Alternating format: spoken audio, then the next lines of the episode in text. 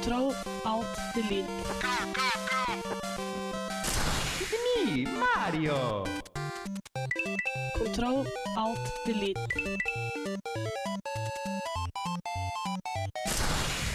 Unable to comply.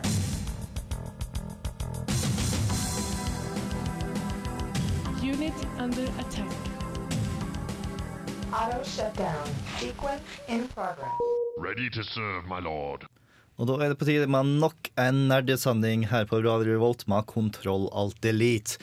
På dagens meny så har vi en dobbel dose med japanske spill med Catherine og Final Fantasy 13-2. Vi har funnet tak i en spillhanske som ikke er eh, The Power Glove. Og vi skal ha et par eh, brev fra dere og lyttere. Men aller først så skal vi ta og høre på Here We Go Magic med Make Up Your Mind.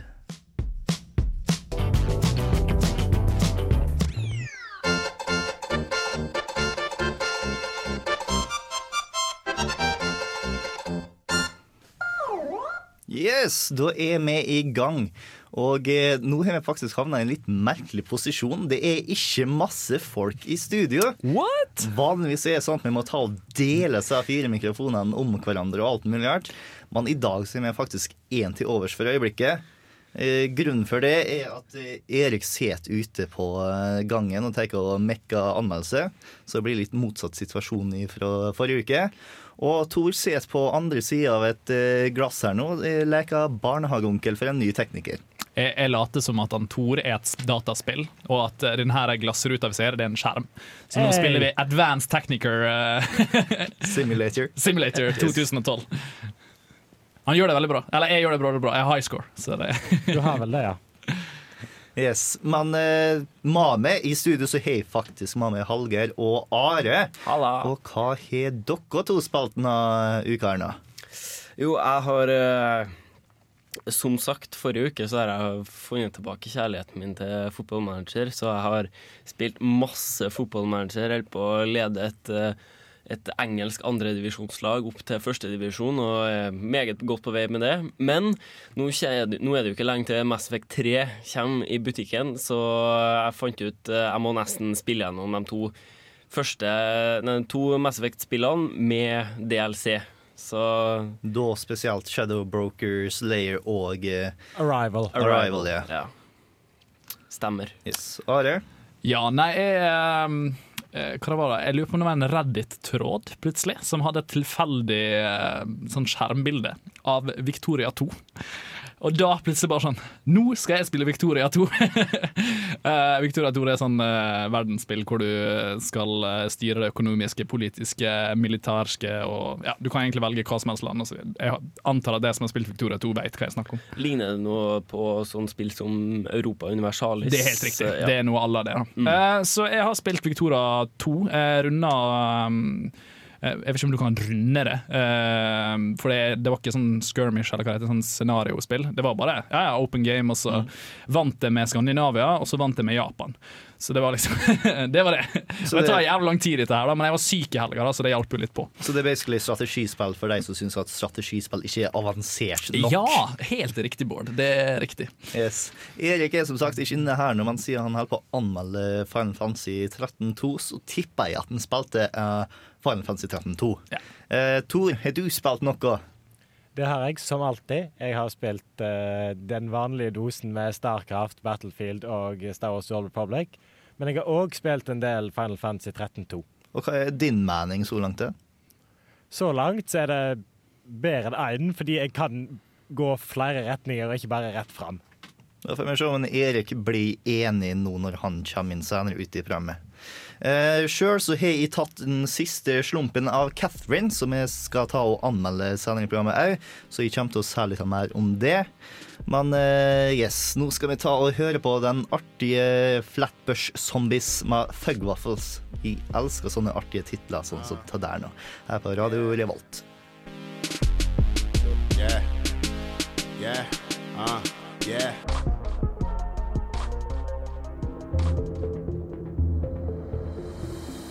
I'm Commander Shepard, and this is my favorite show on the Citadel.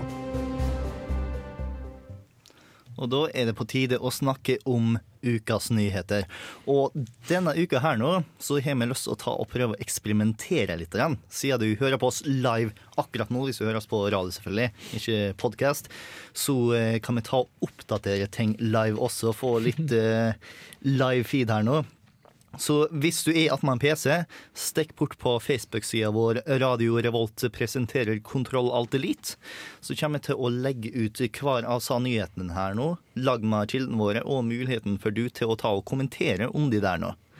Så da tar vi og starter med den første nyheten vi har på eh, lista vår, og det er en oppfølgelse fra en nyhet fra forrige uke. For da tok du Hallgeir, og nevnte noe om eh, Half-Life 3 og folk som var litt utålmodige, noe sånt som det er nå.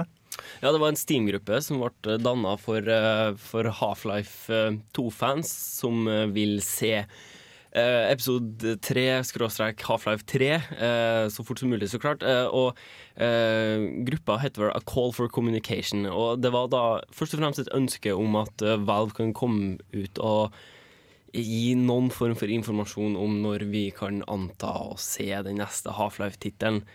Eh, og det var jo planlagt en demonstrasjon som ble avvikla nå i helga, var det vel? Det er riktig. Det var 50 000 personer som har meldt seg opp på denne gruppa og sa hei, vi skal ta og spille Half-Life 2 i helga. Wow, wow, wow.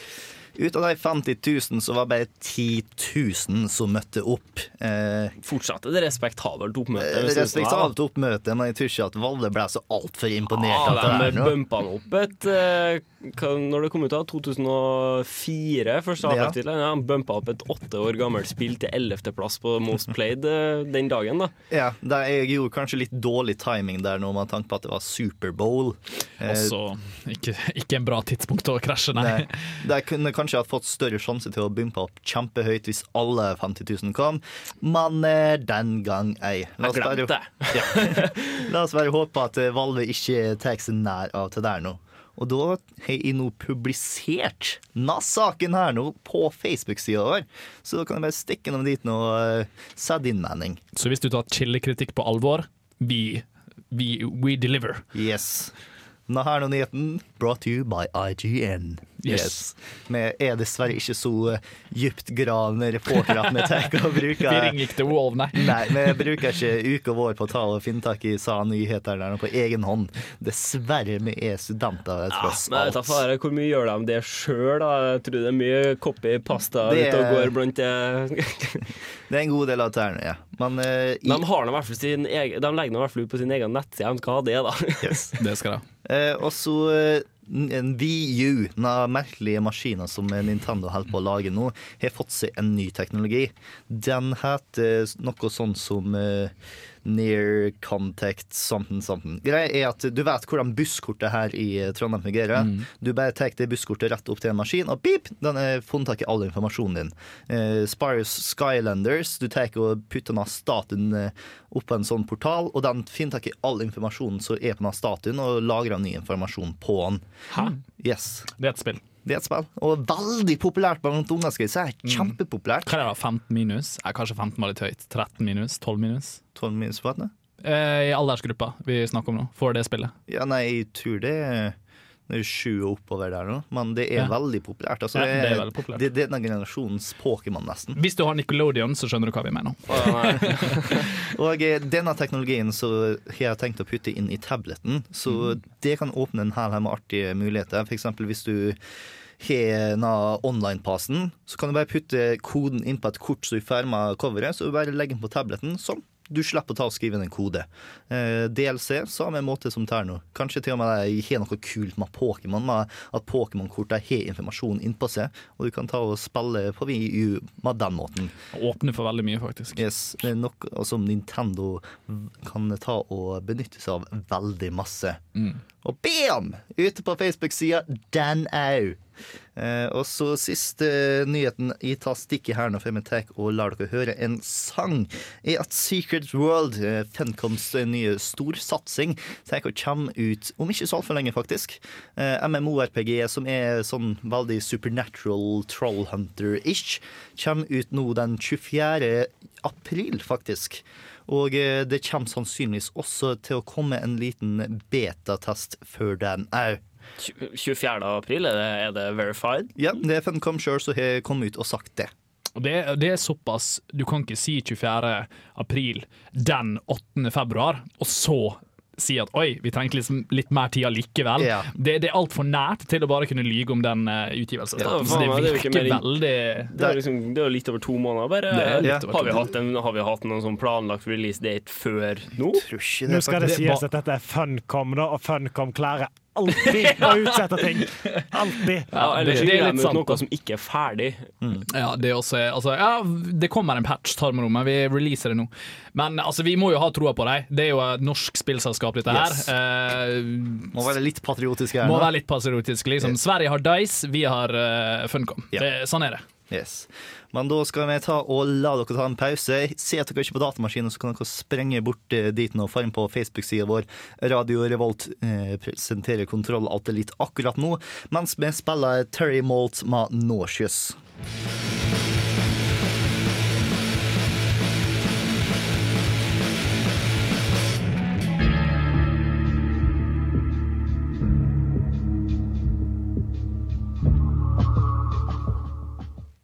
Da har det forhåpentligvis kommet flere folk på Facebook-sida vår når vi tar og slenger ut det som er nyheten vi skal diskutere nå, nemlig at det kommer et eh, iOS-spill av Mass Effect. Spillet heter Mass Effect Infiltrator og kommer til å jobbe sammen med Mass Effect 3 på konsollen, sånn at eh, ting du tar og gjør i det spillet, påvirker historien din i uh, sjølve spillet. Jeg føler Mass Effect er- er skikkelig det sånn at alt må påvirke historien din. Om, om, du Ja. spiste, om du spiste taco til middag den dagen, da påvirker det Mass Effect 3-historien. Selvfølgelig.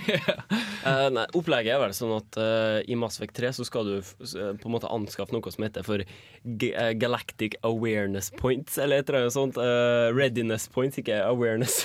Galactic Readiness Points. You have to know the galaxy is out there.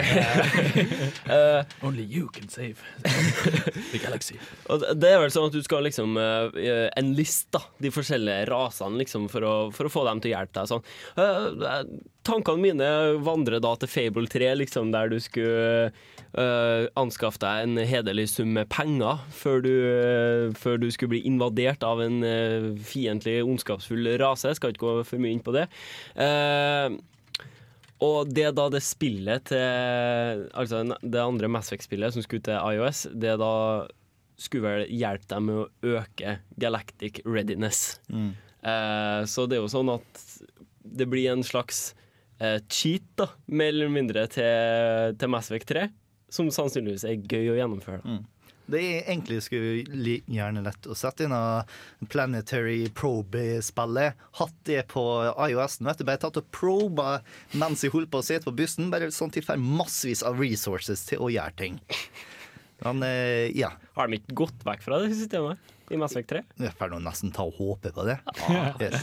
Men eh, vi fortsetter på Mass Effect fordi at eh, produsenten Michael Gamble heller ikke vel ikke ta og se bort ifra at det kommer flere Mass Effect-spill. Han sier at Shepherd sin historie blir avslutta i Mass Effect 3, men universet er fremdeles en plass vi kan ta og leke oss i. Og er det noe dere har lyst på? Ja. Ja, altså uh, Ja, jeg har lyst på et mer, flere spill i den serien. Altså, det er et stort, rikt univers, og de har brukt veldig masse penger og tid på å utvikle dette, så det er jo ikke rart at de har lyst til å videreføre det. Og med tanke på at de har gitt ut masse tilleggslitteratur og har mange karakterer som på en måte har Um, en hi interessant historie som det eventuelt går an å styre. Man kan også skape seg nye karakterer, så er det fullt mulig å så lage et Jeg syns det skal ta en annen rase enn menneske. Det hadde vært litt kult. Det har vært faktisk ganske kult. Men eh, tilbake til jorda. Eh, Nei, hva jeg sa der nå? eh, Hello, Earth Clan. Slightly disturbed.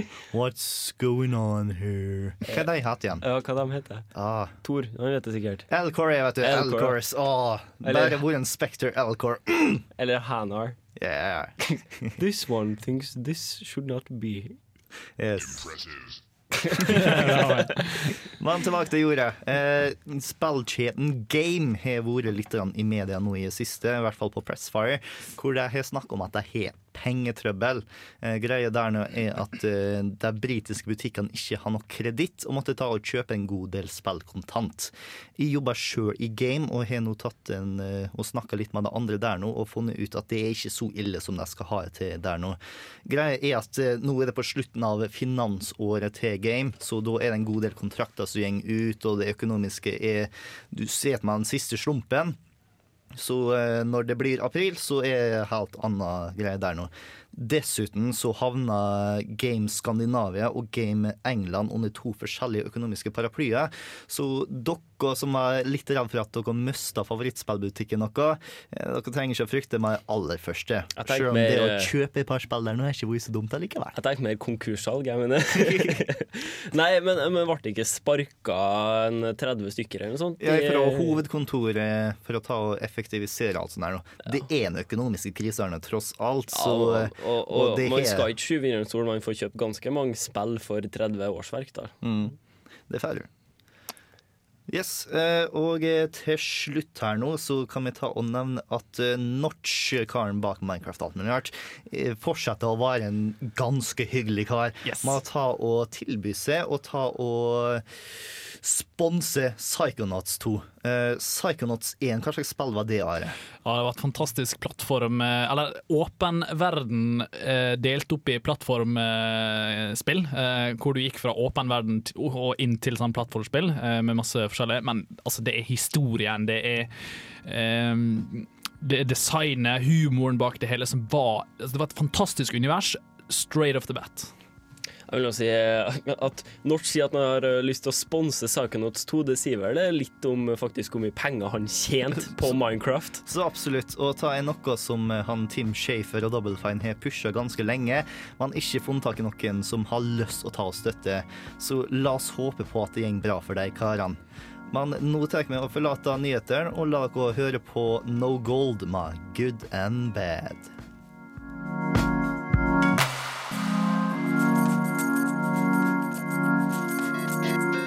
Hei Mario! It's a Mia, ukas anmeldelse. Og da har vi endelig fått revet Erik vekk fra datamaskina, fordi at nå skal vi ta og begynne å anmelde ting. Og nå har vi en dobbel dose. Ikke bare japansk spill, men også Erik-anmeldelse. Ja, det stemmer. Um, Catherine først. Catherine først, ja. Ja, det- Eh, Den har vi egentlig anmeldt tidligere, men nå er faktisk europeisk release, så da er det ikke dumt å la folk som gikk glipp av det første gangen, få høre på hva som skjedde der nå. Nei, det er sant. Eh, Catherine var jo gitt ut av Atlus. Eh, det var stor spekulasjon om det i hele tatt kom til Europa og Nord-Amerika. Veldig snedig spill. Du har jo spilt det sjøl. Ja, og jeg har hatt det veldig masse artig, og vi skal ta og diskutere mer om det, men først så vil jeg at folk skal ta og høre på anmeldelsen. Where the hell is this place? Wish I knew. One thing's for certain, though. If we don't run, we're going to be killed. Killed? If you see this place once, it's all over. You'll keep coming back every night. Noen ganger dukker det opp noe som er så ulikt alt annet at man bare etter å ha sett eller hørt bruddstykker av det, blir veldig interessert. Sånn ble det for meg og Catherine.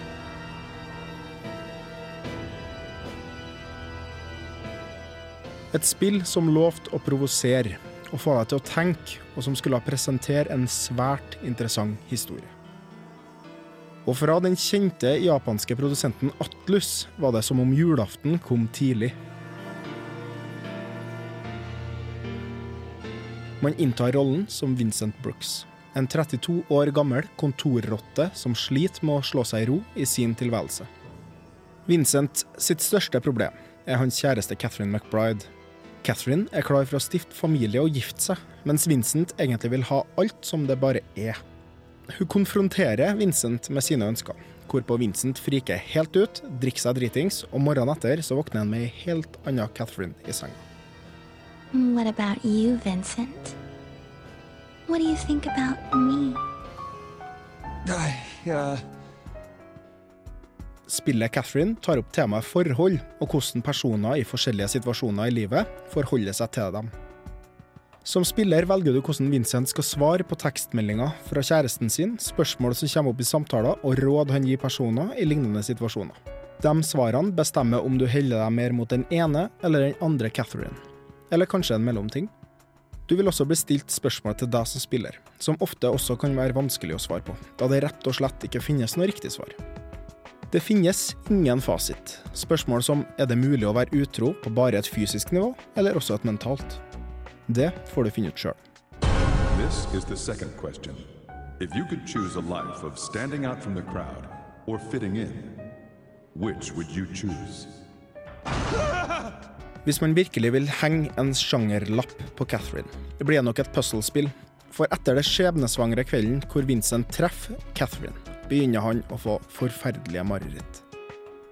I herre marerittene må man klatre så fort opp et tårn som overhodet mulig, da enten tårnet ramler ned under deg, eller verre ting jakter på deg på vei opp tårnet. For å nå toppen av tårnet må man dytte og trekke og hoppe opp blokker på kreative måter. Og man får virkelig den gamle 'bare én gang til'-følelsen etter man har dødd. Det er på ingen måte bare én løsning på de her segmentene, og man belønnes for sin kreativitet så mye som hurtighet.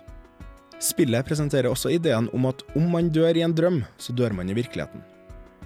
Noe som videre blir understreka da menn i samme alder og situasjon som Vincent plutselig begynner å dø i søvne. Herre klatringa oppover og bort fra både død og monster virker som en nydelig metafor på situasjonen Vincent befinner seg i. Man føler virkelig med hovedpersonen, samtidig som man føler seg sjøl dust for å gjøre det. Spillet presenteres gjennom en nydelig, nesten selvshada grafikk og enkelte animerte tegneseriescener. Selv om hele spillet på mange måter framstilles som japansk, er det nødvendigvis ikke det. Atlus har satt historien til Chicago, og mye av det man opplever av kultur i spillet, hinter mer om en vestlig enn østlig. Ansiktsuttrykk og enkelte ting man forbinder med Japan og anime, er der, men ikke veldig fremtredende.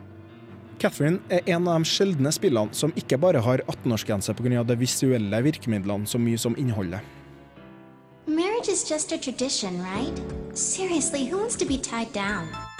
Atlus markedsførte kanskje spillet til et litt yngre publikum, men med alle tankekorsene, situasjonene og symbolikken som blir framstilt, er det på alle måter et spill for et voksent publikum. Hvis du noen gang har latt ditt blikk vandre i et forhold, eller føler at ungdommen din slipper forbi, eller kanskje du rett og slett bare har sittet flerfoldige timer på dødfødt nachspiel og snakka med kompisene dine om alt og ingenting. Catherine vil du virkelig prøve. Uansett.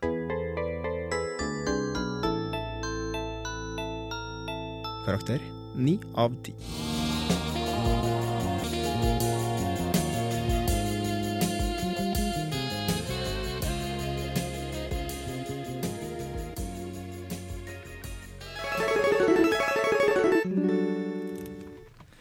Der hørte du Big Crit med Booby Miles, passende Yes. nok, rett etter anmeldelsen til en Erik av Catherine. Ja, det var noen boobies der òg. Ja, det er litt eh, sexfokusert. Ja, eh, eller Altså, ikke så mye sexfokusert som eh, Jeg vet ikke, det- er jo et guttespill i all hør og bør, for det på en måte setter deg i hodet til en som sliter.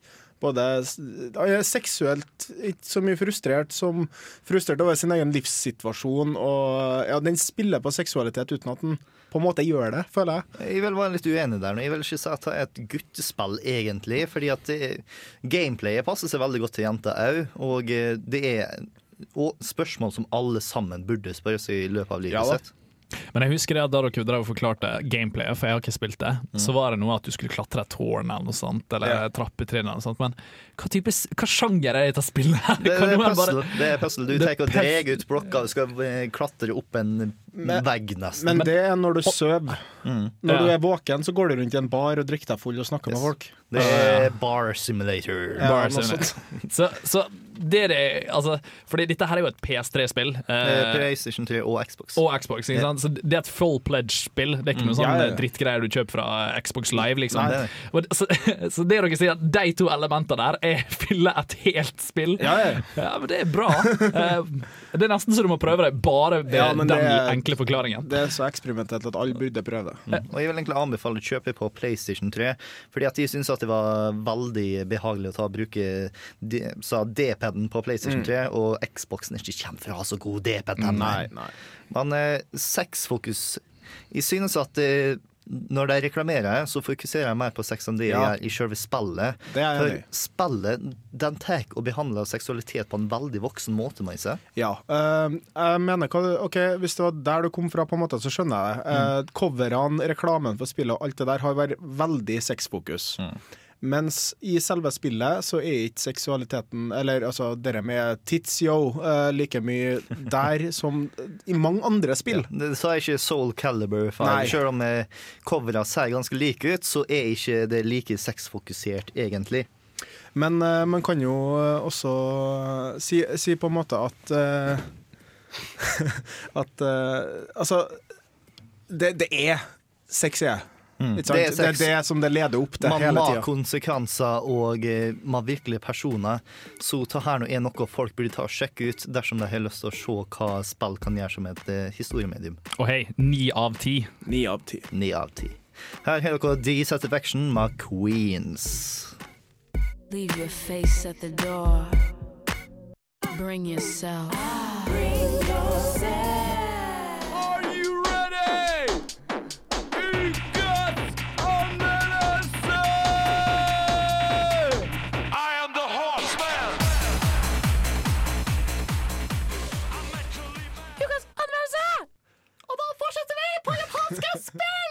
Yay. Yes, for eh, nå er det Final Fantasy XIII-2 som står på tur. Det stemmer godt. Yes. Og eh, det er vel det du spilte hele uka, egentlig? er ikke det? Ja, mer eller mindre. Fytti helvete, altså. Det, det er ikke noe artig å anmelde sånne spill som er så lang som dette. Kan vi kalle det Sito fra nå av?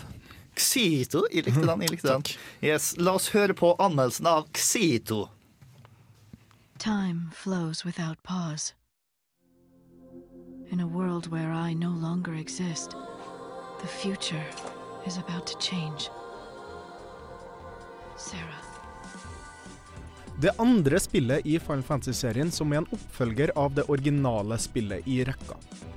Final Fantasy 13-2 er en oppfølger til noe jeg syns var et dårlig utgangspunkt, med lovnader om å gjøre det bedre. Fortsetter serien mot sin aller siste fantasi, eller finnes det her et lysglimt som spår en bedre framtid for den populære serien? Historien dreier seg rundt Sarah, søstera til Lightning, som var hovedpersonen i det originale spillet. Etter hendelsene som skjedde i Final Fantasy 13, har mye forandra seg i dette universet. Byen i himmelen, kalt Cocoon, har falt tilbake i hendene til det gode, og folk har starta oppbygningsprosessen der oppe samt nede på Grand Pulse, eller jorda om du vil. Etter Cocoons fall ble stoppa i det originale spillet, har plutselig folk glemt hovedpersonen Lightning. Alle bortsett fra Sarah. Dette blir drivkrafta til Sarah gjennom spillet, forsterka da hun gjennom drømmer ser søstera si slåss en desperat kamp i en plass kalt Valhalla. Hun møter også gutten Noel, som kommer fra 700 år fram i tid, tilbake til Sarah for å hjelpe henne å redde Lightning. Uvisst over når eller hvor i tidslinja Lightning er, setter disse to ungdommene samt en liten flygende Moogle ut på en reise gjennom tida. Final Fantasy 13-2 ser akkurat ut som du forventer det. I denne type sjanger er det nesten bare gamle vitenskapsmenn som blir over 30, og alle kvinnfolk er enten hjelpeløse eller knallharde. Men det er greit, vi kjøper det. Og gjennom historien så får faktisk hovedpersonene bedre og dypere motiv og personlighet, noe som gjør at historien blir ganske interessant etter hvert, selv om den henger i en tynn tråd i utgangspunktet. Det originale spillet fikk stor kritikk for å ikke åpne seg før etter rundt 20 timer i spillet. Oppfølgeren snur dette på hodet og åpner spillet så til det grader bare etter to-tre timer. Final Fantasy 13-2 er det minst lineære Final Fantasy-spillet jeg noen gang har spilt, og jeg har så å si spilt dem alle. Denne mekanikken virker som et svært friskt pust i serien, men trekker litt tilbake på flyten i spillet, da man aldri virkelig føler som man kommer i et driv, for å kalle det. Kampsystemet er mye likt originalen, med et par forskjeller, dog ikke store. Man har fortsatt muligheten til å autobattle, men om man faktisk har lyst til å slå de vanskeligere fiendene, så må man faktisk velge abilities sjøl. Autobattle skal fungere som et springbrett for de nye til serien, og kan maskere for et egentlig ganske fungerende kampsystem som både er interaktivt og actionfylt. En stor forskjell fra det tidligere spillet er at man denne gangen bare har to personer i sin gruppe når man slåss. Den tredje delen består av et monster som man fanger. Dette monsteret kan også gå opp i styrke på lik linje som hovedpersonene, men også blandes med andre monstre for å bli sterkere. Det er som tatt ut av Pokémon eller Monster Hunter-spillene, men for dem som har en tendens til å bli OCD på sånne spill, så er det et godt mottatt tillegg til spillet. Spillet tilbyr rett og slett på mange mulige måter mange timer foran skjermen. Final Fantasy 13-2 er et bedre spill enn forløperen. Punktum basta. Det har nok av feil når det gjelder alt fra personlighetene til spillet, et til tider fordumma kampsystem og en overkomplisert og uoversiktlig historie. Spillet viser derimot til at nå ser Square tilbake på tidligere spill, og kanskje viktigst spør seg sjøl hva definerer et Final Fantasy-spill? Nummer 13-2 er nok ikke det beste, men heller ikke det verste. Det er en god tendens, og viser at til og med et digert spillselskap som Square, som lenge har vært urørlig, fortsatt kan ta til seg kritikk og forbedre seg. Karakter 8 av 10.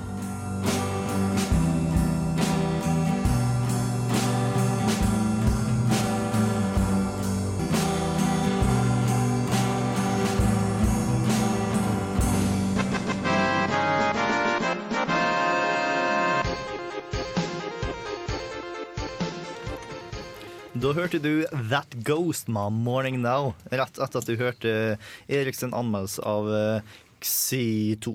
Ja. Xi2. Xi2. Og eh, Xi2 Eh, Sito. Du snakka om at de så tilbake på eldre spill med Xito. Ja. Eh, hva mente du med det? Eh, det er mange av de elementene som jeg føler jeg har savna fra både Final Fantasy 12 Nei, jeg mener Final Fantasy 11 og Nei, vent, jeg snakker 12, ja. Mm. Og mm. Final Fantasy 13. Med f.eks. minigames har alltid vært en stor del, og det er tilbake. Og bare det friheten til å fære fra by til by, sted til sted og sånne her ting. Og det, det, det virker som de ser tilbake på ting, da. Og liksom ah, Hvorfor har vi ikke med dette? Det så bra ting som passer i et Final Fantasy-spill. Eh, Det jeg lurer egentlig på, det er om Føler du som både fan og spilljournalist at de virkelig burde heller lage en HD-remake av Final Fantasy 7 enn å fortsette med disse greiene her? Ja, men eh, altså, Nå får jeg på en måte en lite håp igjen. da. Eh, Det, det er liksom OK, kanskje dere fortsatt burde lage nye ting. Kanskje dere ikke trenger eh, alt det gamle materialet og gjøre ting med det. Kanskje dette nye Square da kan lage et bra Final Fantasy-spill. For at så langt, de tre siste har vært en skuffelse. Jeg syns ikke det har vært noe ordentlig Final Fantasy-spill siden nieren. Da mista de helt på en måte styringa. Og ja, jeg, jeg savner gamle Final Fantasy, da, Mm. rett og slett. Men tror du at jeg kommer til å gå tilbake til gammel eh, Final Fantasy, eller kommer jeg til å skape noe nytt som ikke er i denne retningen som er sett nå, men mer en liten hybrid hvor jeg tar det beste fra begge verdener og kanskje slenger på noe ekstra nytt? Jeg håper på den hybriden, på en måte, for at da blir en ny generasjon introdusert til det som er Final Fantasy. Og vi får tatt det nye fra dagens spillverden og det gamle som var så bra med Final Fantasy en gang i tida, rett og slett. Jeg har hørt en del kritikk mot spillet der eh, folk uh, sier at eh, det virker som at Square egentlig bare tråler forum, tråler anmeldelser, liksom Ja. sett hva er det folk syns at vi mangler her nå, så har de egentlig bare ukritisk implementert elementer som folk, forskjellige folk har ment eh, har mangla. Og nå ser vi de har blant annet liksom slengt inn en sånn Mogu. Mogul, ja, og ja. minigames er med, og Chocobos. Eh, Våpenet til Sarah er jo en bowgun. Det er jo en eh, direkte hyllest til bo, eh, Gunblade, som eh, Squall hadde i Final Fantasy 8. Og det er liksom sånn quirky Final Fantasy-ting som har kommet tilbake. De tar ikke seg sjøl like seriøst, og de er ikke like japansk, på en måte. da. Du har rett og slett store forhåpninger for C3? Jeg C3? Nei, jeg håper ikke det kommer en C3. Det ser ut som det kommer DLC, uh, og det håper jeg det kommer. Ja, da blir det Xi22. Nja C21213? Men burde man ikke si Xito? Jo, Xi2. Nei, blir ikke det IVK nå? IV1? Iv Ivon? Ja, det blir det. Det blir det.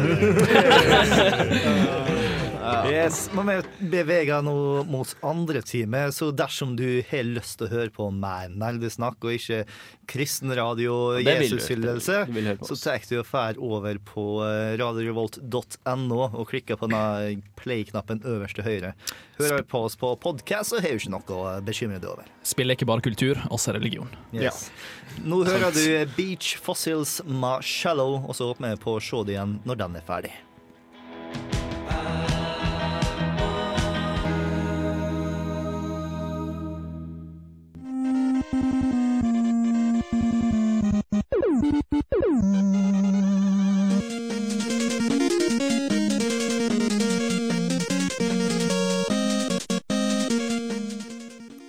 Vet du, time to, og denne timen her nå skal vi ta og dedikere mesteparten til lytterbrev. Men eh, vi tok nå og lovte dere aller først i sendinga at vi fant tak i en gamerhanske som ikke var The Power Glove, til tross for at den er so bad. Og eh, vi kan ikke bare ta og eh, Ignorere. gå vekk fra det og ignorere det, til tross for at første timen ble litt fullstappa med anmeldelse.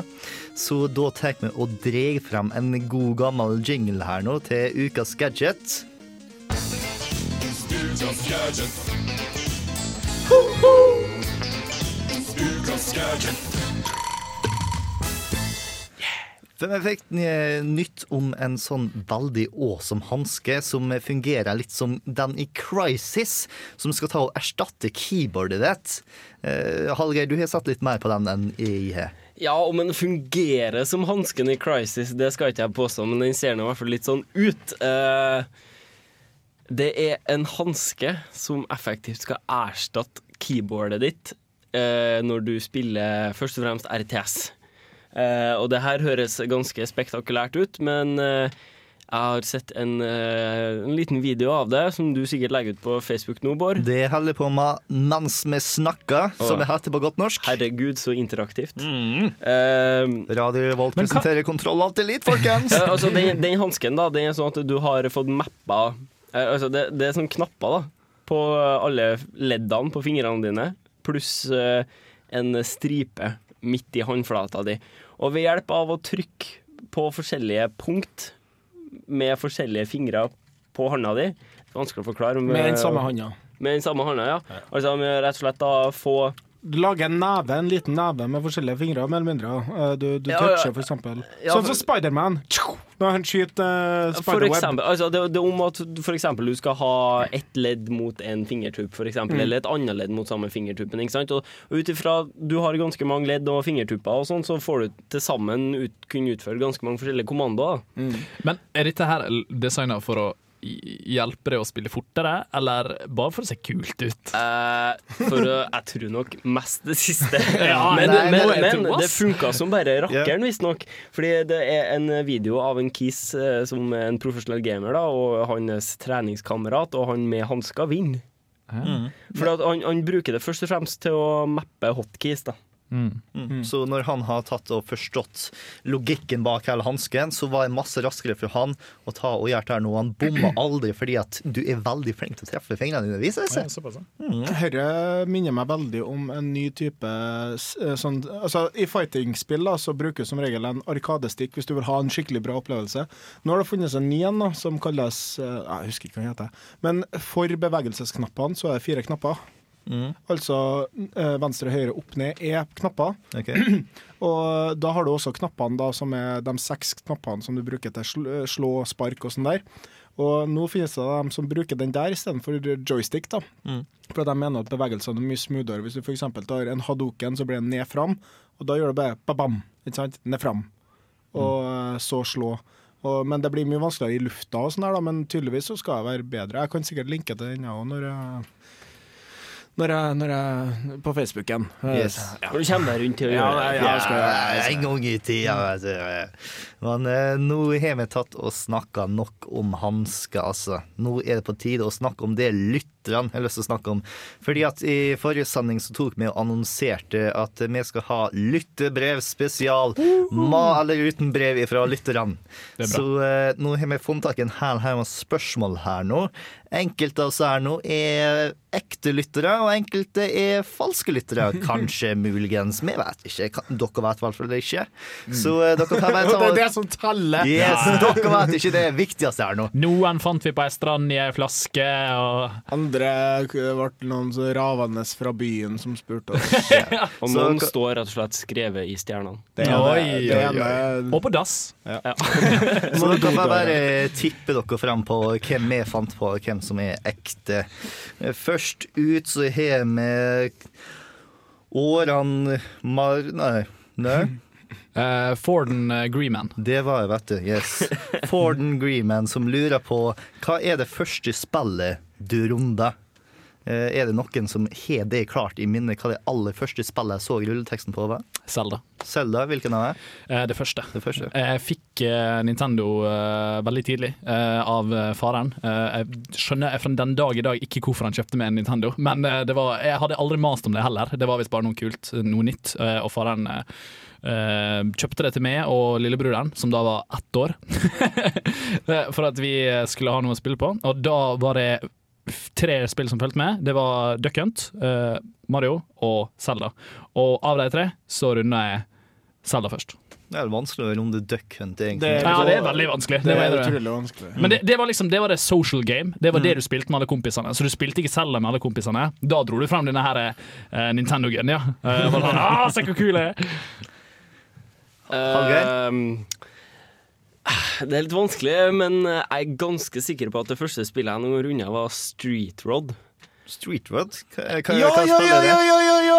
Ah, det har skjedd! Det er hvor du sånn- mekker bil og Ja, sånn. ja, gammelt, gammelt bilspill. På hva maskin? Eh, på PC. PC, ja. Eh, der du, du kan eh, Det faktisk Det var særdeles eh, Ja, det var. innovativt, fordi du, du skulle mekke på bilen din. Du skulle bytte ut motor og girkasse Og da må du feste mutter Ja, og Ja, fest du, det husker jeg. Det, husker jeg. det var jævlig gøy. Ja, det var dritbra. Det var altså, for å si det sånn, jeg, jeg hadde faktisk eh, Når jeg spilte bilspill og sånn senere, helt fram til Need for Speed Underground, liksom, så satt eh, Og så de hadde vel Grand Turismo, men det spilte jeg aldri. Eh, så satt jeg og tenkte litt sånn Ja, det her er vel og bra, men hvorfor i all verden kan ikke jeg bytte ut motoren og sånn som jeg kunne på Street Road i 1994, liksom? Det var sånn pikselert alt mulig rart. Ja, Ja, ja, da dritviktig. jeg husker det. Jeg, Men, å, så artig! Og det er faktisk det er et av de spillene jeg hadde mest fartsfølelse i. For at når du Ja. begynte å få bra bil med bra motor, så gikk det faen meg fort. Altså. Ja. Du Og så ikke mye av veien. Nei, og en 60-tallsbil med altfor mye motor og altfor dårlig hjul, det går fort, altså.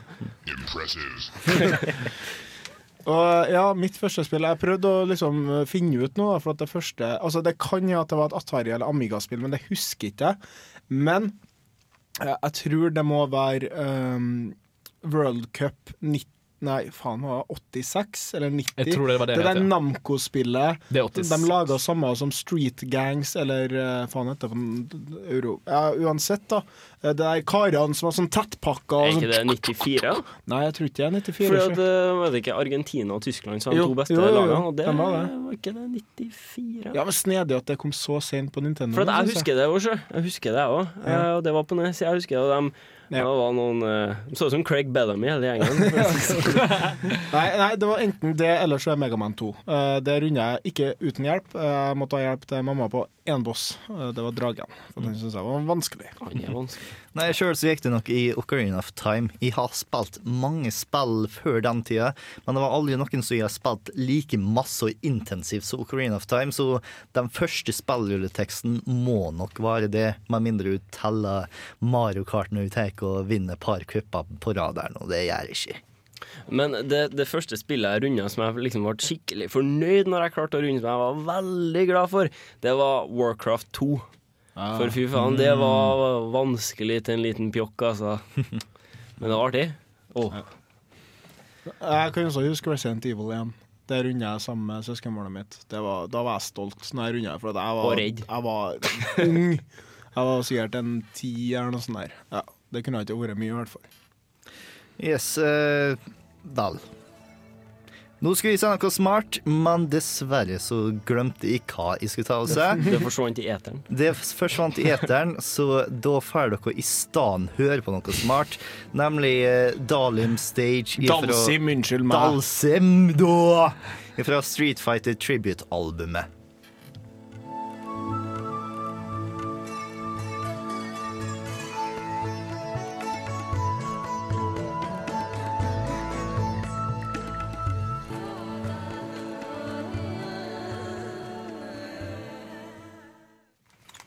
Yoga Catastrophe hører jeg her etterpå. Sånn. Det var veldig Street Fighter 2-ish, føler jeg. Så absolutt, med tanke på at det var Street Fighter 2-musikk, så Ja, bør det det- føles litt ja.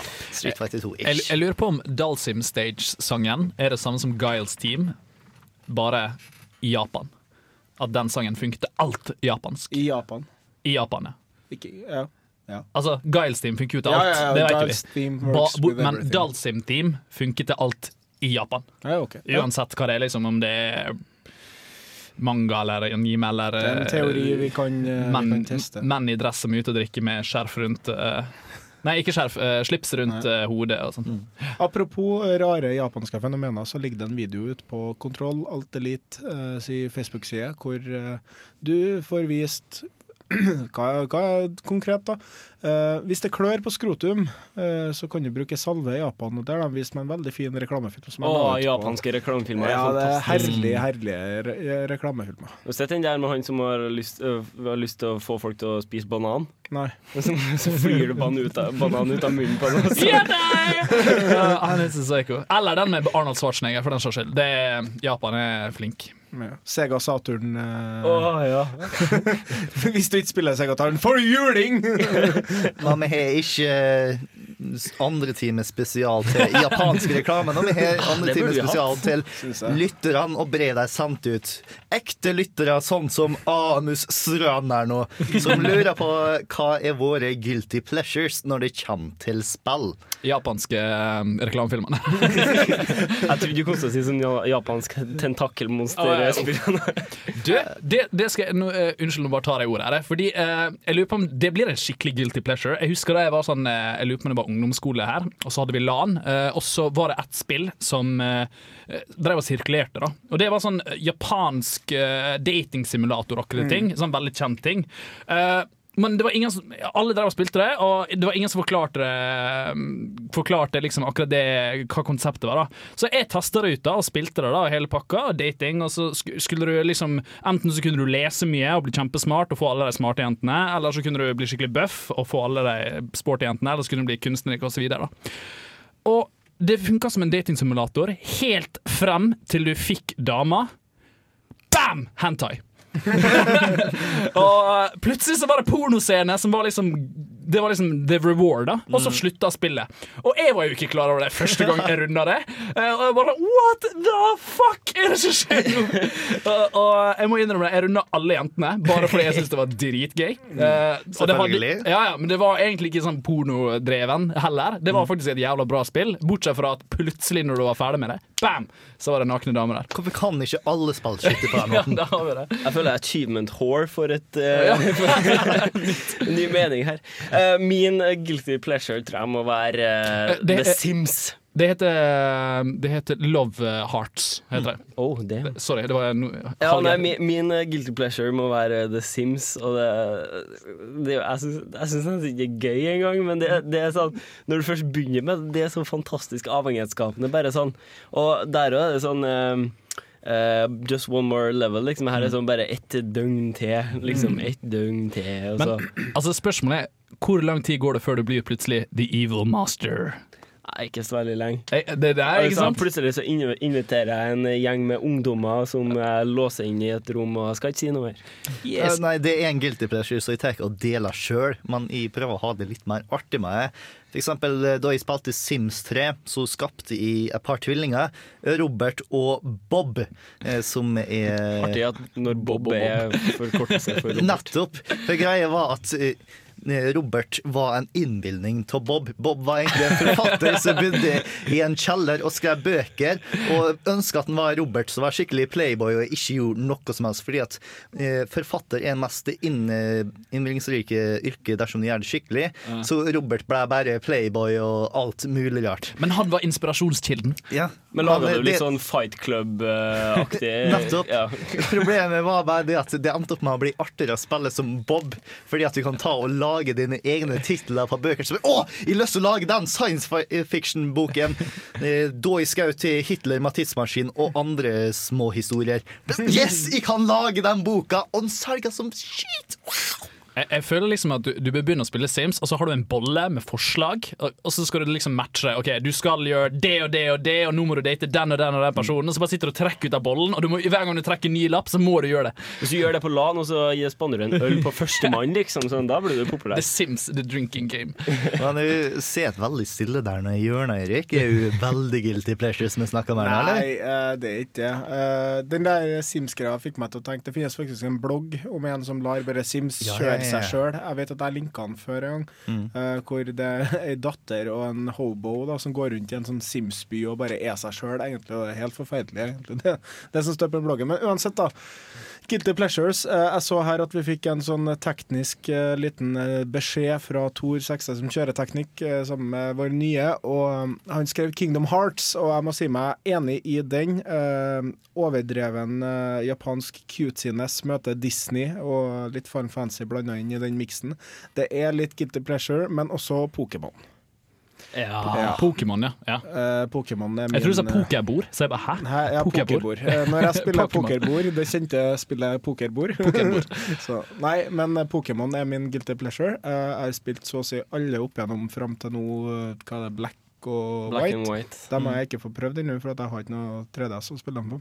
Mm. Men eh, opp til nå så har jeg spilt alle sammen, og det, det er for barn, liksom. Men det, no, det er noe ja, Du kan gå veldig dypt inn i det hvis Ja, du men- klarer å overtale eller vennene dine til å spille da, også. da er jo en sånn nerd. Yeah. ja. da er jo en av dem. Vel, nå du å snakke om stell på radioen her nå. Vi har dedikert mange timer i Ja, uka ja, bare for å. Pokémon-nerd, liksom. Noe så spesifikt.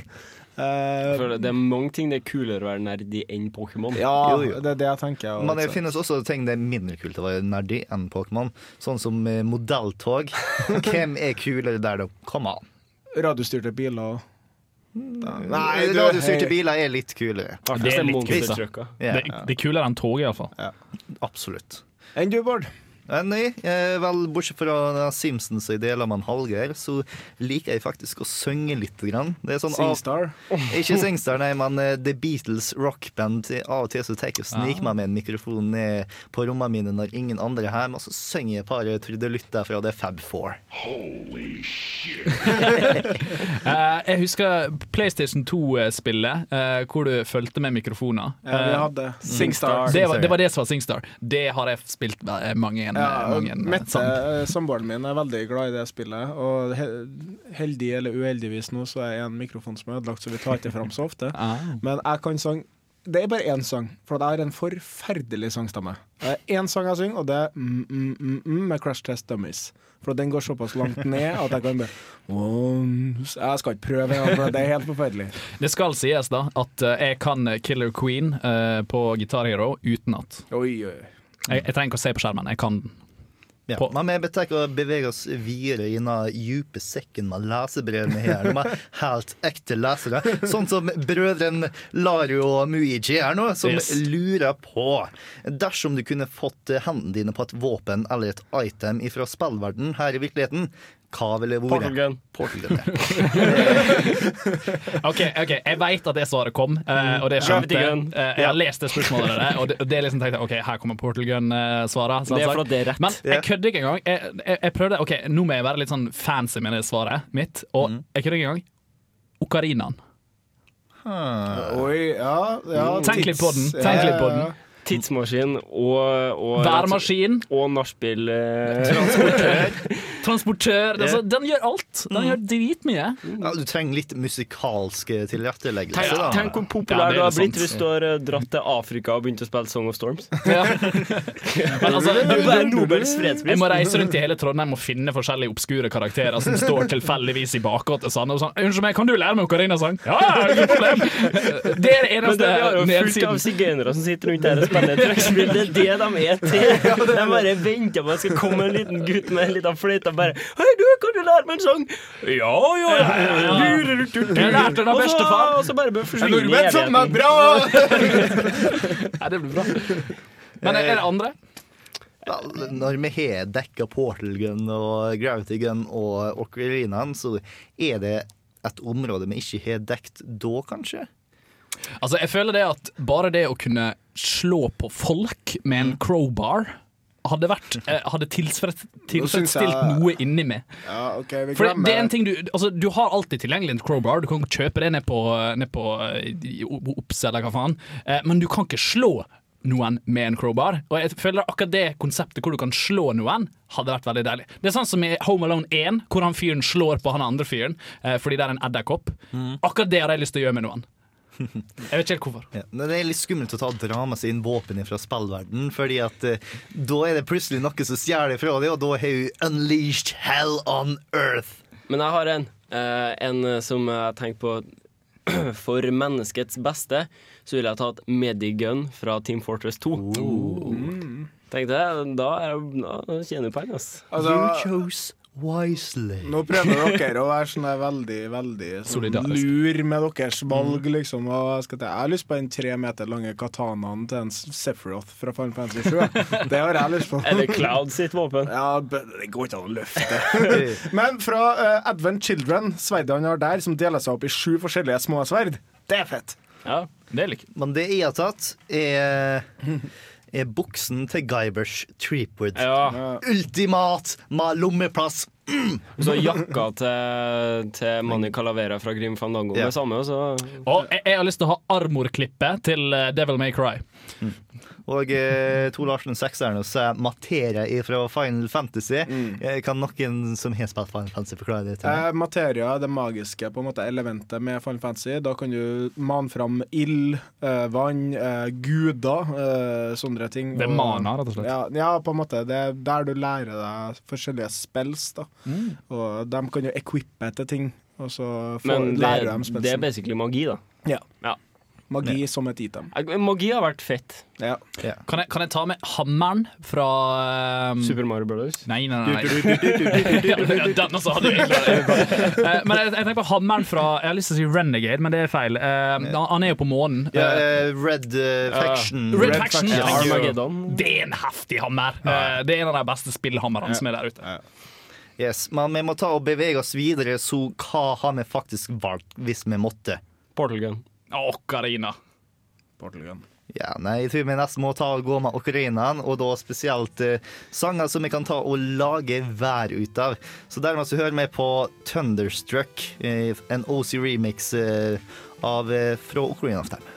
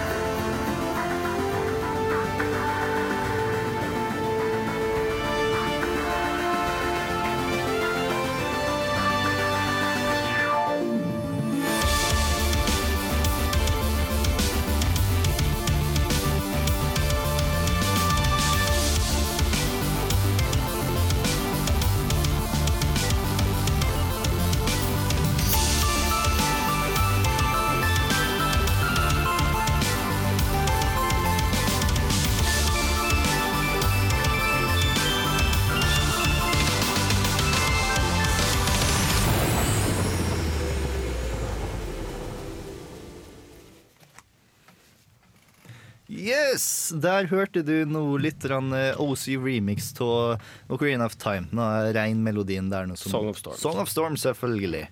Og eh, vi fortsetter med lyttebrevene våre fra de totalt ekte personene. Jeg mener på at jeg møtte han i real life til og med. Han Connie Jage her nå.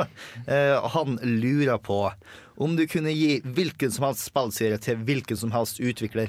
Hva hadde du til hvem, og hvorfor? Hva som helst. Blizzard. What the fuck? Nei! Jo. Nei. Ja, men det tar da så lang tid! Ja, men Cinematics from another planet. Ja, men det er for Square òg. Square Enix.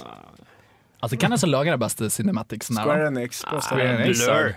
Blur? Blur er det selskapet som tar og lager så ekstra cinematic eh, reklamefilmene som hun tar og ser et halvår før hun ser faktisk gameplay. Sånn, eh, den første Battle, eh, Batman Arkham City-greia, det var Blur. Første til Assassin's Creed, Blur. De er spesialisert seg i å ta og lage cinematics som aldri kommer til å bli brukt i selve spillet.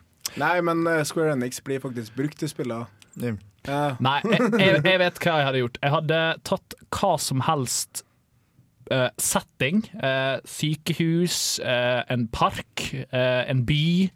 eh, en eh, skal vi si en apartment building, og så hadde jeg gitt det til de som lagde Team Hospital, som da Mm. heter Peter Molyneux med- med, med Frog, Det var gamle eh, Bullfrog. Bullfrog, ja. Gamle, det de har er kjøpt opp dem nå av I don't care! Jeg hadde gitt det til deg som lagde Team Hospital. Er Uansett hva setting. Lionhead. Lionhead, ja. Og det er jo Peter Molyneux. Team Radio, vær så snill!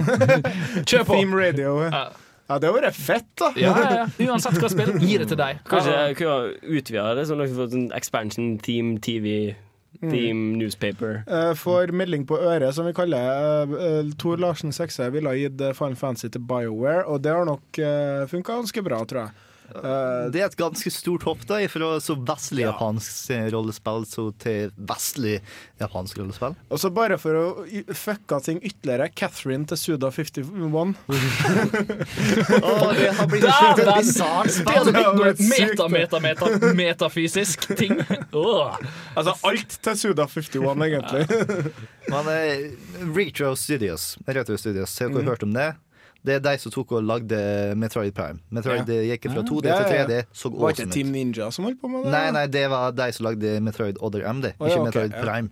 Eh, også den nyeste Donkey Kong Country Returns. Ja. Også eh, Retro Studios. Så de kan tydeligvis forstå hva det er som gjør Nintendo Retrospill. De kan retrospill, de kan gjøre Nintendo-spill som ikke er laga av Nintendo, og de er faktisk vestlige. Så jeg skulle gjerne likt å sett de lage Zelda. Et vestlig Zelda tror jeg vi kunne hatt veldig godt av. Det kunne du også sagt Final Fantasy til, egentlig. Og Mm. fått liksom Final Fantasy tilbake til Final Fantasy 6 eh, gjennom noe sånt, med sprite-basert grafikk og Jeg, jeg vet gode det. greier. F- Final Fantasy til fansen. Ja. Nei, det har blitt grusomt. Det har blitt så grusomt. Uff, nei. Har du sett Deviant vi Art, eller? ja, ja. Det er sant. Kanskje jeg skal være litt snill her og si Zelda til Shigeru Miyamoto. Nei, selv, unnskyld, nå sa jeg feil. Uh, uh, jeg mente Sonic. Beklager. Ja. Sonic til eh, Shigeru Miyamoto. Interesting. Ja, uh, kanskje han kunne gjort noe fancy med han. Mm. Da hadde, Altså- han, da hadde han hatt alle tre klassikerne. da Mario, Zelda og Så må vi ha liksom dem, dem som jeg syns er grå og kjedelige, må vi gi til et, et, full av fart, føler jeg. Så for eksempel Battlefield 3 eller Modern Warfare til Capcom. For å få liksom Super Battle 3 Remix Edition! det, er- det er dritfett! Så skyter du blå flammekasterballer ut av maskingeværene. Jeg skal være litt kjedelig her, da, og så vil jeg si jeg vil gi tilbake uh, Command and Conquer-serien til Westwood. Ja. men det er sånn der uh, Jeg har lyst til å gi tilbake en OL-spiller til Konami. Ja. Hvis det er noen som har spilt et eh, OL-spill fra Konami, eksempel Nagano-spillet, som var der til 1964, så vet jeg at det var høy. Det var bra! Så jeg hoppa på ski i det spillet. Siden da så har ikke det vært et bra OL-spill. Ah, Mario at Olympic Games, da. Sugd. Trist, hva? Yes, men den totalt ekte personen Lun Chi lurer jeg nå litt på, så jeg vet det. Eh, dersom du kunne tatt og gjort livet ditt om til en spillsjanger, sånn RPG, action, adventure, simulator etc., hva ville det ha vært? Hentai. En spillsjanger, du, du kan jo godt ta det så her japansk dating-sim. Det, det kan du få lov til. Du, Med du, får, den- du får den der eh, hvor du er på en skole med bare fugler. Gratulerer. Fugler? Er det et ja, spill? Ja, det er et spill hvor du går rundt i en skole, og så er alle damene som er her, er forskjellige fugler. Sånn albatross Å, ah, ja. Du sa fugler. Jeg tror du sa fuglis. Altså ah, ja. som i uh, fucking Ja, men det finnes sikkert, det òg. Jeg vet det, jeg vet det. Godsim. Clever! Ja, det, den er for clever. Jeg, jeg hadde tatt det enkel uh, team, altså turn-based strategy, som i Ja. Civilization. Hallo, du får et land Hvor å kjedelig styre. da, hvis det er noen som Å uh, ja, sånn. Jeg tenkte hvis at livet bli ditt var turn-based. Oh, ja, nei, gir du tull? Land-based, Nei, liksom. jeg- en RPG av noe slag, da, kanskje. En morsom RPG. Vestlig eller østlig RPG, da? Det hadde vært litt artig med en østlig en, Med så magi. whimsical. Ja, med magi, helst. Eh, Bare for å gi meg selv en utfordring. Eh, en JRPG. Det, der har du Tenk på en- håret mitt! Tenk på håret mitt! It would be amazing! Altså, for øvrig så vil jeg også si ethvert spill der jeg får achievements. Så at hvis jeg bare Ja, sånn, lager meg mat Badum! Teabag. Så The Sims, på en måte. Gjort om hele sitt Sims. Hvor kjedelig hadde det ikke vært å svare det? The Sims. Plutselig så dukker det opp ei seng ved siden av deg. Bare, wow! Liksom bare at uh, som en eh, app, vet du. Oi sann. Så er det som at de har litt dårlig hygiene her nå. Takk for å si ifra, folkens! Så går jeg og dusjer, jeg. Og så står du sur for Og så pisser du på deg sjøl, og så bare slukner du i pisset ditt.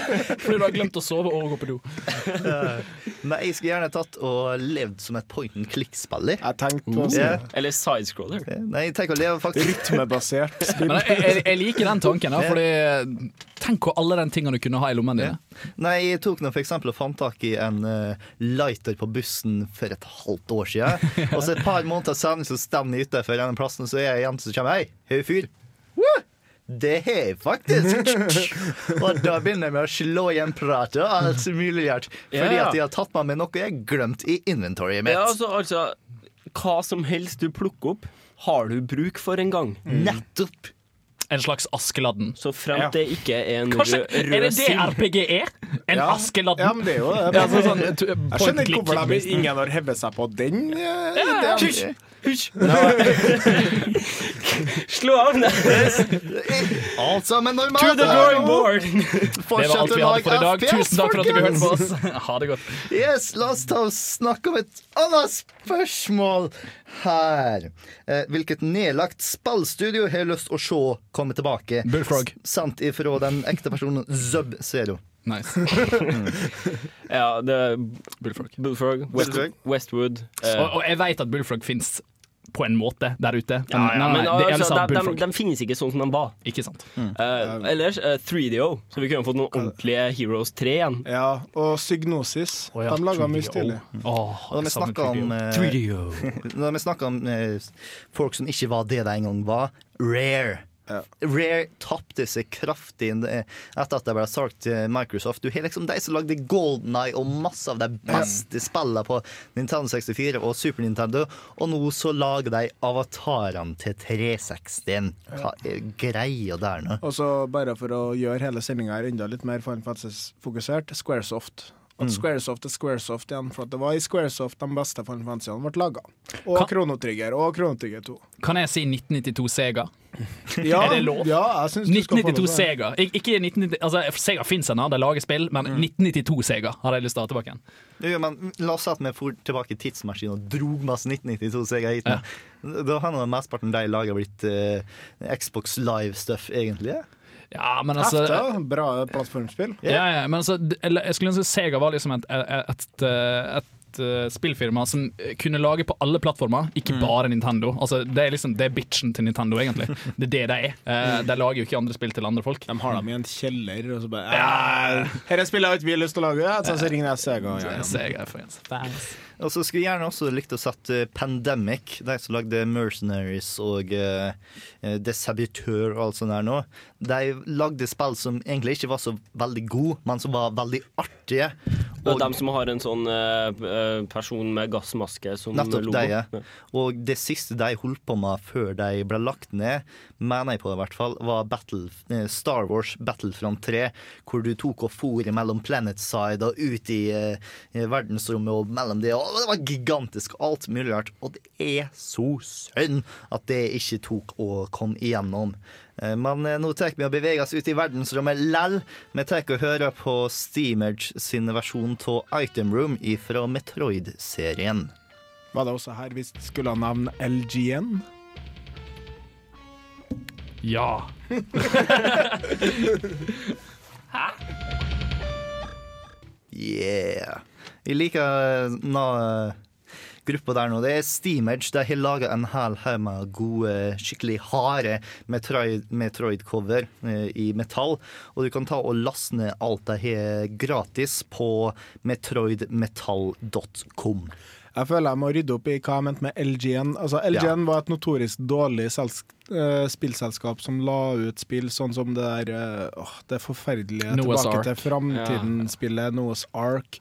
Eh, Dr. Jekyll and Hyde tror jeg også var deres produkt. Og det var, det var sånn helt forfer- Altså, de fleste spillene som Angry Vi- Video Game Nerd har på sin uh, Topp verste. Ja, det er LGN. Så det var en tull, da. Det var en tull. Yes. Men eh, nå har vi fått en eh, ganske hot eh, spørsmål fra den totalt ekte Wachter Diley her nå. Mhm. Så jeg lurer på, dersom jeg skulle ta og lage en Megaman-boss, hva slags Megaman-boss hadde det vært? Radioman! Ja, altså, Mickman. Hva, Altså- hva er det som ikke er laga? Ja, nei, det er jo laga mye forskjellig. Altså, det er som regel en vanntemaboss hver, så en vindtema, og så en ildtema og en skog. Og så kanskje noe elektrisitet eller noe stein eller noe sånt der. For at du har jo Rockman, men du har også en som heter noe sånt som Har- Guts. og Guts Stoneman. Man. Hæ? Stone Man, man. Dude, Stone Man, man. I'm Chill totally gonna throw some rocks at you, man. Just, Awesome. just chill. Just chill. Apropos chill, chill penguin. Det var jo fra for Megaman X. Ja. Men uh, jeg, jeg tenker vi gjør det Motherboard Man kommer en Tor Larsen. Men uh, jeg tenker vi må jo gjøre det japansk, så da Tentacle Man eller, Tentacle eh, Man. eller uh, Wasabi Man som skyter wasabi på folk. I don't wanna like that guy. Ja, det Kimono Man. Én en kimono. Et dameplagg. Han flasher. Flash! Oh my god! Har Candyman blitt laga ennå? Nei, jeg tror ikke Candyman. Because the Candyman can. I'm gonna candy you to death. Ah.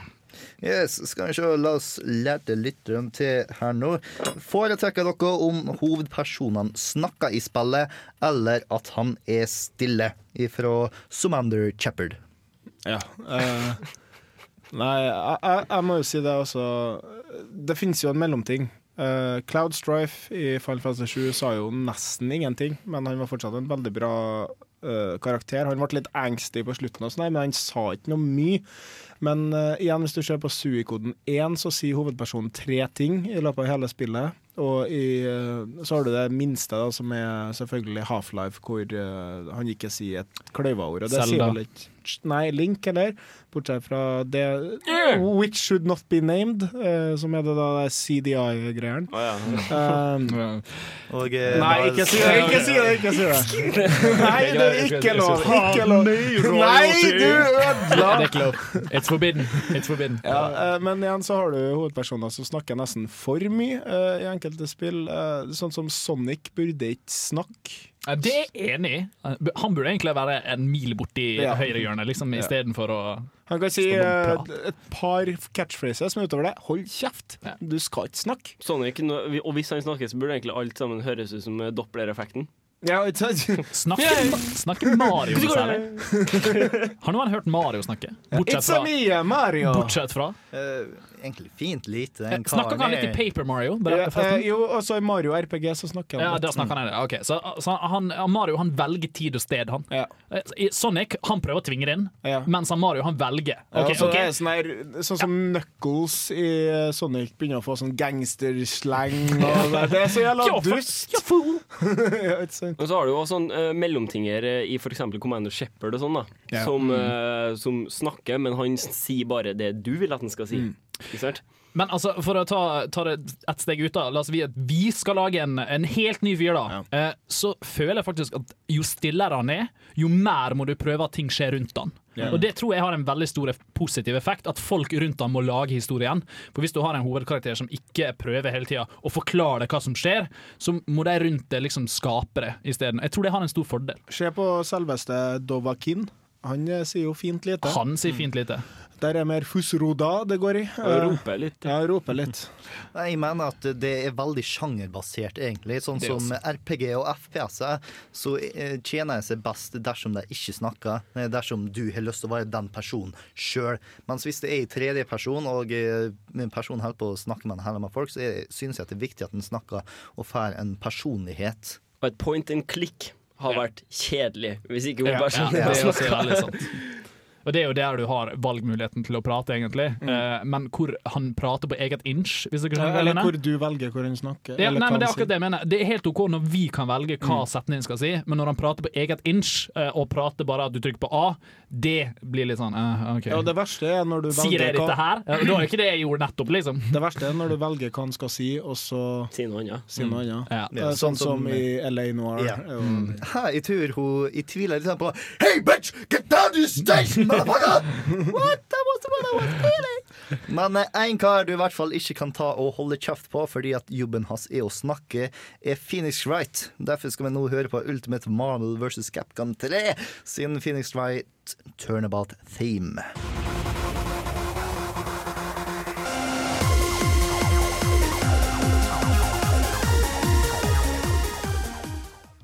Jeg er, vel, jeg er sjeldent glad i teknoremix av uh, musikk jeg liker, men uh, akkurat denne her nå kan jeg ta og forestille meg å sparke veldig hardt ræv med. Så no objections here. Ja. Badum tush. Yes. Den er fin. Mm. Eh, og så har vi nå den aller siste spørsmålet denne uka her nå, fra Tybers Greepwood, som lurer på Yes. Helt ekte, i Sverige. Eh, den hvilket, bor han er tyrkisk. Smartlakon. eh, hvilket spill ville du likt å sette en oppfølger til, og hvilken spillserie ville du likt å fjerne en oppfølger ifra? Eh, artig at det var nettopp han uh, Tybers Groupwood som skulle si det. For at eh, Monkey Island 4 kunne jeg klart meg uten. Ja.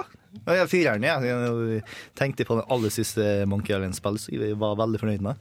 Men ja, fireren Og jeg prøvde å spille en gang i tida, men grafikken var så ræva. Eh, jeg må ta bitehistorie for å prøve å få spilt en gang i tida, men det hadde vært enklere om det ikke eksisterte. Altså, det, det er helt greit, men uh, Alt det, etter Sonic 2. Ja, den nyeste skal altså være grei. Nei, nei, nei. nei, nei. Alt okay. etter Sonic 2. Ja, greit. Nei, eh, da må jeg si alt etter Fallen Fantasy 10, da. Jeg lar Fallen Fantasy 10 være med så vidt, så lar jeg også den siste være med, men det er bare så vidt. Mm. Jeg har lyst til å være litt mer positiv, i, og eh, hvilket spill ville du likt å sette en oppfølger til? Eh, jeg har noe smart, og så tok jeg og glemte det mens jeg begynte å snakke.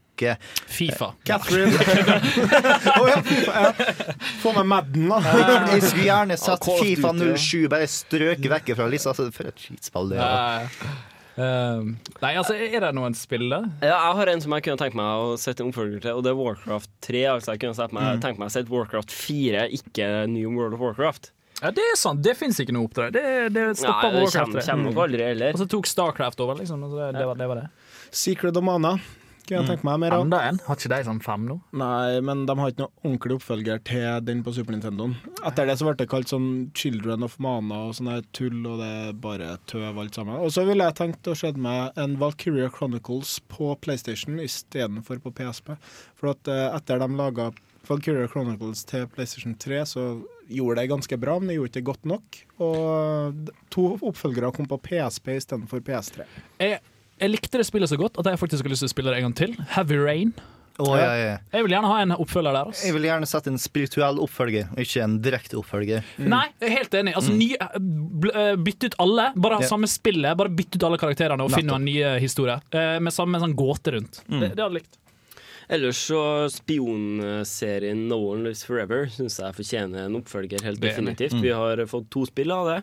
Uh, og spillserien avsluttes jo, det er jo helt klart. Men, men spillmekanikken er jo så fantastisk bra at uh, det, det er veldig synd at vi ikke har fått flere av det spillet. Tetris. Det er smart Det smarte jeg Pac-Man. klarte å glemme, var selvfølgelig eh, Star Wars Jedi Knight-serien. Jeg skulle gjerne satt en oppfølger der, for jeg er veldig glad i både Jedi Outcast og Jedi Academy, som Mm. var awesome. Og i sin tid. spesielt multiplayer. Yes. Ja, det var artig. Sett på Duel of the Fates, gå én mot én på ei bru. Og som vi nevnte, alle. Theme-spillene. Theme Hospital og sånn. Men nå eh, må vi ta og avslutte. I håp- H53. ja. I Snakker hå- han Hysj nå, hysj! Unger, stilt. Jeg håper på at dere likte denne sendinga her nå, andre timen spesielt. Fordi at vi har det veldig artig her nå mens vi tar og svarer på spørsmål som kan komme fra enkelte folk, kanskje. Eh, og eh, vi snakker egentlig sånn imellom Når dere hører musikk, så snakker vi litt sånn og har det artig med oss. Og det er deilig å få denne energien her nå inn i studio mens mikrofonene er på òg. Så dersom du kom på et veldig godt spørsmål, vær så snill, ikke brenn inne med det. Send det heller til oss på nerd.radiorevolt.no. Og det gjør vi her i time to. Oppfølgeren til time én. Uh, jeg har nesten lyst på en oppfølger til time to her.